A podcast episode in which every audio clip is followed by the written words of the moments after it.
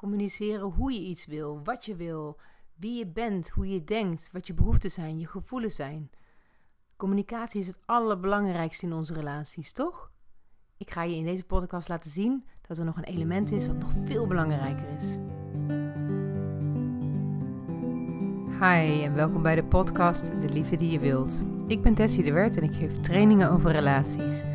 Het allerbelangrijkste wat ik wil meegeven is dat je je relatie kan fixen U-turns maken naar jezelf. Hiermee maak je de relatie met jezelf weer intiem en liefdevol en je relatie zal als vanzelf mee veranderen. Hey, superleuk dat je luistert. En nou ja, welkom bij deze allereerste podcast die ik ooit heb opgenomen in mijn hele leven. Heel bijzonder moment. Ik ga het vandaag hebben over een hele belangrijke relatiemythe. Iets waar heel veel mensen heilig van overtuigd zijn dat het zo is. Namelijk dat communicatie het allerbelangrijkste is in je relatie. Ik heb trouwens in mijn stories op Instagram al uh, wat meer gedeeld over dit onderwerp. Ik heb op een gegeven moment ook een poll gedaan uh, waarin ik mensen vroeg van, vinden jullie dat inderdaad? Vinden jullie dat communicatie het belangrijkste is om je relatie goed te houden? En 100% van jullie dacht dat dat inderdaad zo was. Dus ik ga je vandaag op de proef stellen. Ik ga je uitdagen en ik ga kijken of je mij kunt volgen in mijn stelling dat het niet zo is. Communicatie is niet het allerbelangrijkste in relaties. Nou, waarom vind ik dat? Ik ga beginnen met een voorbeeld. Stel, er komt een vrouw bij mij. Het is niet de eerste vrouw die komt met dit probleem. Er zijn heel veel vrouwen die, die hierover klagen. Maar deze vrouw, Sanne, die kwam bij mij en die uh, klaagde over dat ze vond dat haar man heel afstandelijk deed. En zij vindt dat heel erg na. Ze heeft er heel veel last van. En ze weet eigenlijk echt wel, als ze er goed over nadenkt, wat de aanleiding steeds is. Dus de aanleiding van hem om afstand te nemen is bijna altijd als zij verwijten heeft gemaakt of als ze kritiek op hem levert. Dus ze weet dat die verwijten en die kritiek, dat dat de directe aanleiding is voor hem om afstand te nemen. Want hij kan daar gewoon simpelweg niet tegen. Dus als je dat hoort, dan denk je automatisch, ja, duidelijk. Communicatie is dus het probleem. Haar communicatie is het probleem en dat is de directe aanleiding voor zijn gedrag. Dus als zij nou haar kritiek en verwijten op weet te lossen, dan heeft ze het probleem opgelost. Nou, met die, laatste zin ben ik het helemaal eens, maar ik denk dus niet dat dat in de laag van de communicatie op te lossen valt. En ik ga je dus even meenemen in de twee mogelijkheden die je zou kunnen voorstellen als je dit probleem helemaal in de laag van de communicatie wilt oplossen. De eerste suggestie die je zou kunnen doen aan zo iemand, aan Sanne in dit geval, is: Sanne, je kritiek en je verwijten uh, veroorzaken zijn afstandelijke gedrag. Dus wat je moet proberen te doen, is al je verwijten en je kritiek binnenhouden. Je gaat niks meer communiceren waar verwijt of waar kritiek in zit. Want dat levert dat gedrag op. Nou, dat is op zich natuurlijk goed bedacht, want ja, uh, B volgt op A. Dus uh, als we nou A veranderen, dan hebben we niet meer B. Maar gaat dit ook daadwerkelijk werken? Nou, ik ga je zeggen, ik ga je een briefje geven. Nee. Want Sanne gaat, als ze dit gaat doen, en ze gaat zich alleen maar richten op haar communicatie verbeteren, dan gaat ze compleet over haar eigen gevoelens heen lopen. Want ze moet die helemaal wegdrukken om niet in dat verwijt en in die kritiek te komen. En lieve mensen, doe dat alsjeblieft nooit. Ga nooit je gevoelens wegdrukken. Want je gaat er ook echt helemaal niemand mee helpen. Jezelf niet, je wordt er zelf niet gelukkig van. Je partner wordt er niet gelukkig van. En je relatie gaat alleen maar verslechteren. En daar kom ik later op terug. Een tweede uh, oplossing die je zou kunnen voorstellen als je het alleen maar op communicatielevel zou willen oplossen, dit probleem van Sanne, dan zou je kunnen zeggen tegen Sanne: Sanne, weet je wat je doet? Je gaat gewoon nu uh, veel duidelijker uiten aan je vriend waar je mee zit en dat je daar last van hebt van zijn afstandelijke gedrag. Nou, dus Sanne gaat dat doen. En dan komt er bijvoorbeeld een zin uit van: Ja, um, nou, ik vind het gewoon uh, hartstikke vervelend dat je zo afstandelijk doet. En je hoort het al een beetje aan hoe ik het zeg. Hij gaat dat weer opvatten als verwijt en hij gaat dat weer horen als kritiek. Dus hoe denk je dat hij daarop gaat reageren? Met meer of met minder afstand? Opnieuw kan ik je op een briefje geven dat er nog meer afstand gaat komen.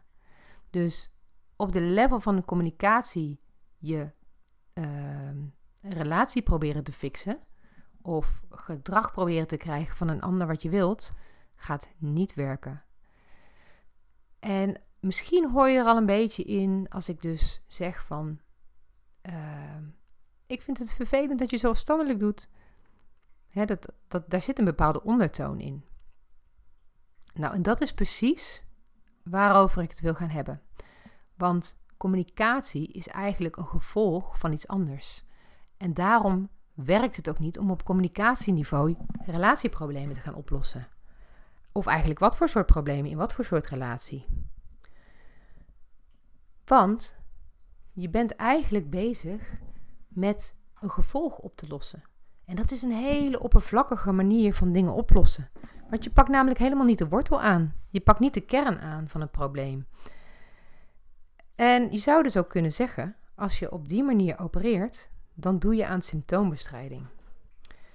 Het is veel interessanter om te kijken waar komt die communicatie vandaan? Waar is dat nou precies een gevolg van? En dat ga ik je nu vertellen.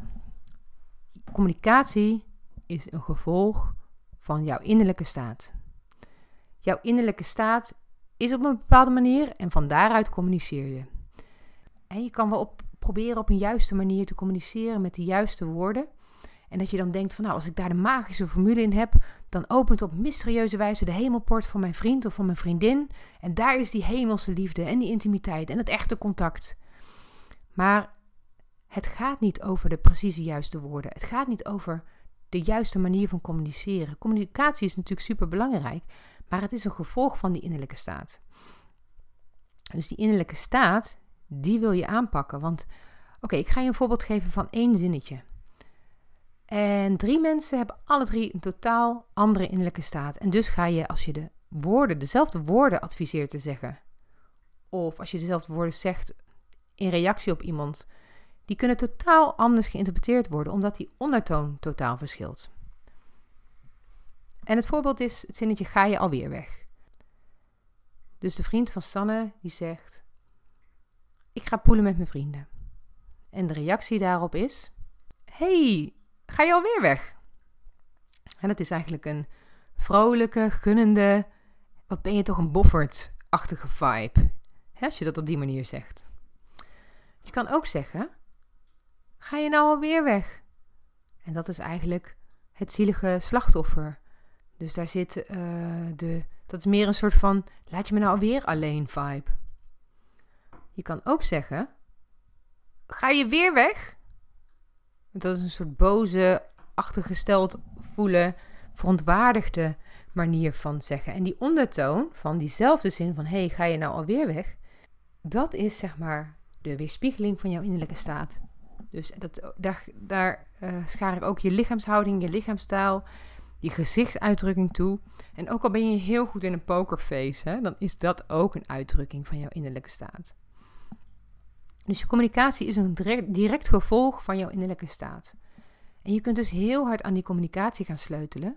Maar zoals ik al eerder zei, dan is het een soort symptoombestrijding. Als jouw innerlijke staat goed is, dan is alles wat uit je mond komt eigenlijk best oké. En dan kan je zeker nog wel wat tips en tricks leren wat dingetjes die handig zijn om op een bepaalde manier te zeggen of niet. Tuurlijk. Maar dat zijn dan aanvullende, uh, aanvullende tips. Dat is niet de hoofdzaak. Nou, laten we eens even kijken als we het voorbeeld van Sanne nemen. En we gaan dat helemaal omdraaien. En we gaan het probleem proberen op te lossen vanuit het oplossen van iets in haar innerlijke staat in plaats van op de level van, van de communicatie. Hoe zou dat er dan uitzien? Dan zou Sanne zich bijvoorbeeld kunnen gaan afvragen: oké, als ik die kritiek uit en als ik die verwijten uit, wat zit daar dan voor gevoel onder van mij? Wat is op dat moment mijn innerlijke staat? Wat zijn op dat moment mijn behoeften, mijn gevoelens, mijn gedachten? En misschien dat Sanne wel doorkrijgt. Ja, ik heb op zo'n moment de gedachte: hij houdt totaal geen rekening met mij. En hij neemt mij als vanzelfsprekend. En ze voelde zich daar alleen in. En ze voelde zich onveilig. Want ze heeft een diepe behoefte aan geborgenheid, aan veiligheid. En die lag eigenlijk onder al die gevoelens van zich angstig voelen over dat hij geen rekening met haar hield. Dat hij haar niet voorop stelde. Dat, dat ze als vanzelfsprekend genomen, uh, zich als vanzelfsprekend genomen voelde. Nou, stel nou dat je dus daar al bij bent. Hè? Dus als, dat, dat je als Sanne zijn de contact kunt maken met die innerlijke gevoelens en met die innerlijke behoeften. En je weet die eigenlijk als jouw eigen innerlijke kinderen te verzorgen in jou. En ja, dat klinkt altijd heel vaag, vind ik. Je innerlijke kinderen verzorgen. Maar hoe je het eigenlijk simpel kan zeggen is dat je in een soort overgave komt van de fysieke sensaties ervan. Dus hoe voelt het fysiek precies om je zo alleen te voelen? Of om je zo angstig te voelen dat je niet in, in een eh, in veilige setting bent? En hoe voelt het om zoveel behoefte te hebben aan geborgenheid? Gaat je keel op slot? Krijg je een knoop in je maag? Krijg je buikpijn ervan of gespannen ledematen? Gespannen nek of, of krijg je hoofdpijn? Veel druk in je ogen? Wat ervaar je eigenlijk? Nou, in Sanne's geval kon zij daar eigenlijk heel snel heel goed contact mee maken. Dus het duurde dan ook niet lang voordat ze besefte: wow, ik kan gewoon nu inderdaad, als ik de U-turn maak. Dus ik, ik ga, dat is een term die ik trouwens veel gebruik in mijn trainingen. En dat is een term die betekent dat je vaak ziet dat in relatieproblemen mensen gericht zijn op de ander. En als je die U-turn maakt, dan ga je de focus van de ander weer terug op jezelf leggen. En dan ga jij kijken van wat gebeurt er in mij. En ga je dat directe lijntje met jezelf weer herstellen. Waardoor je niet die hele omweg moet maken naar mijn partner gaat iets voor mij oplossen. In mijn gevoel en in mijn behoeften. Terwijl je er zelf eigenlijk helemaal geen contact mee hebt. Dus zij ontdekte dat als ze die U-turn maakte, dat ze heel makkelijk contact kon maken met die gevoelens. En dat er een enorme lading afging richting haar vriend. Dat ze merkte, oh ja, ik ben dit eigenlijk altijd van hem aan het verlangen, dat hij dit oplost. En dat is de kern van, in mijn optiek, relatieproblemen. Daar zal ik een keer een andere keer een, podcast over maken. Over dat je de afwijzing van je eigen gevoelens er eigenlijk voor zorgt dat je ze naar buiten projecteert. Maar anyway, om terug te komen op communicatie. Ze voelde dat als zij contact had met haar eigen gevoelens en met haar eigen behoeften, dat er een enorme druk afging.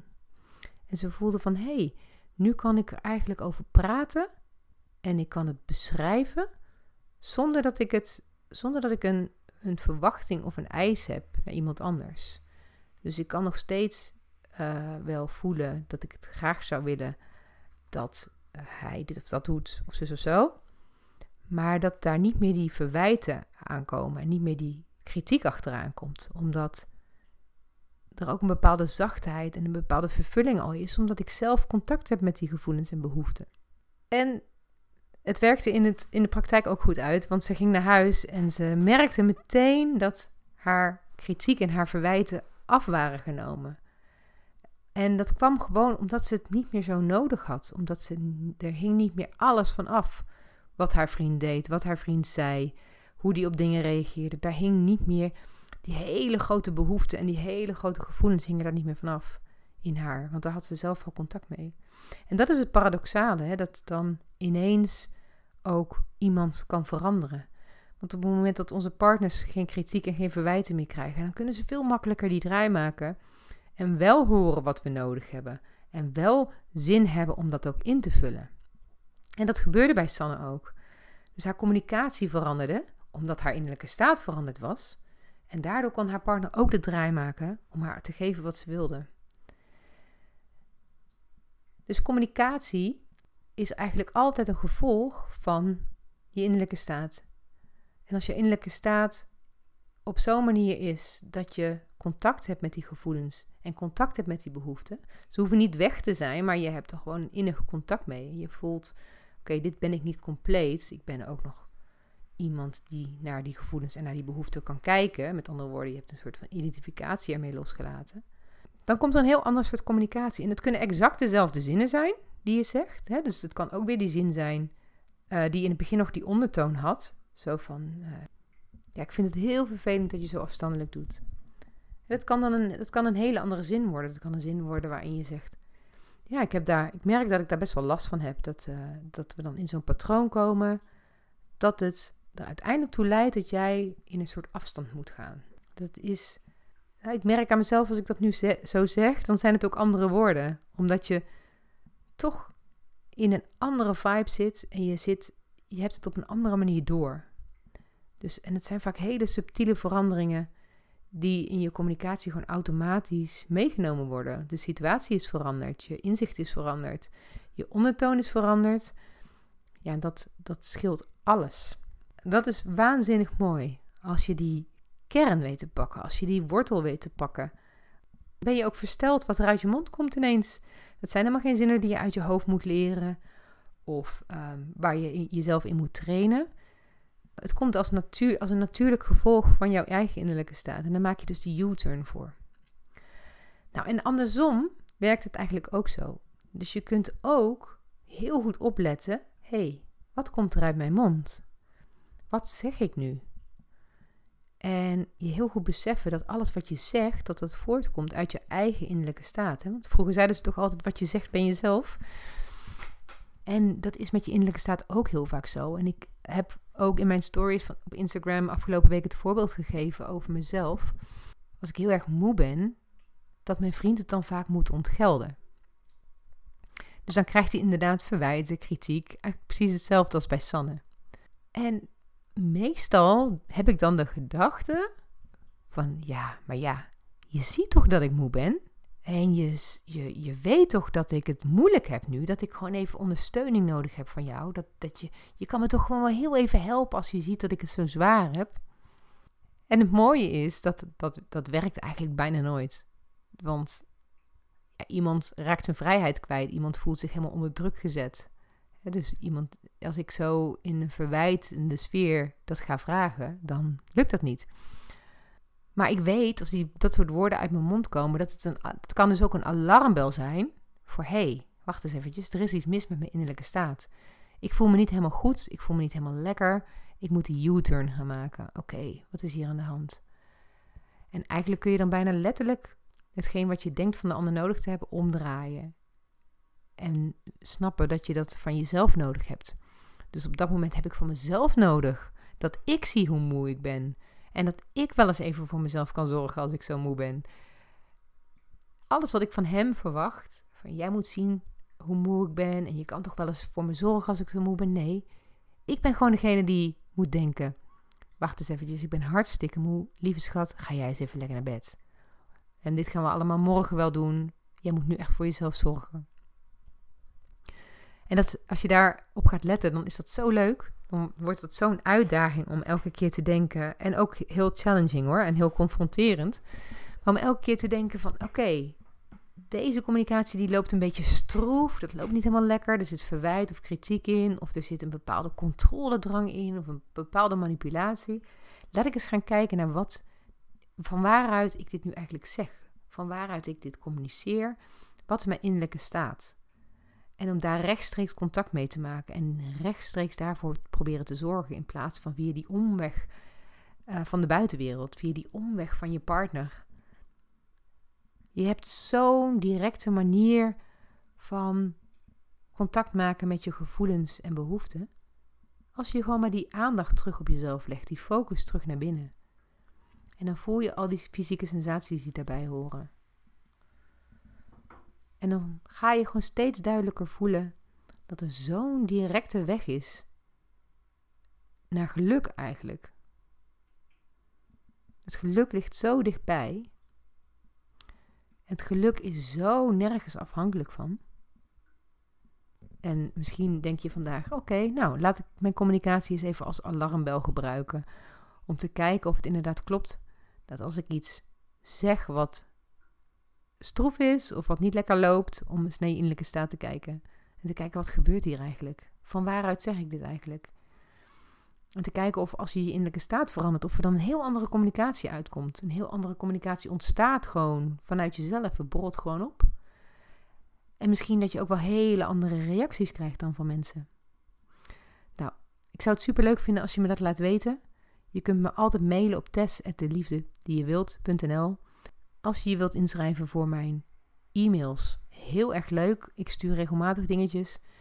Stuur dan een mailtje naar tess.deliefde die je wilt. Of ga naar mijn website, deliefdediejewilt.nl Je kunt me ook volgen op Instagram. Ik wil je heel hartelijk bedanken voor het luisteren van deze podcast. En uh, ik spreek je snel. Hoi hoi!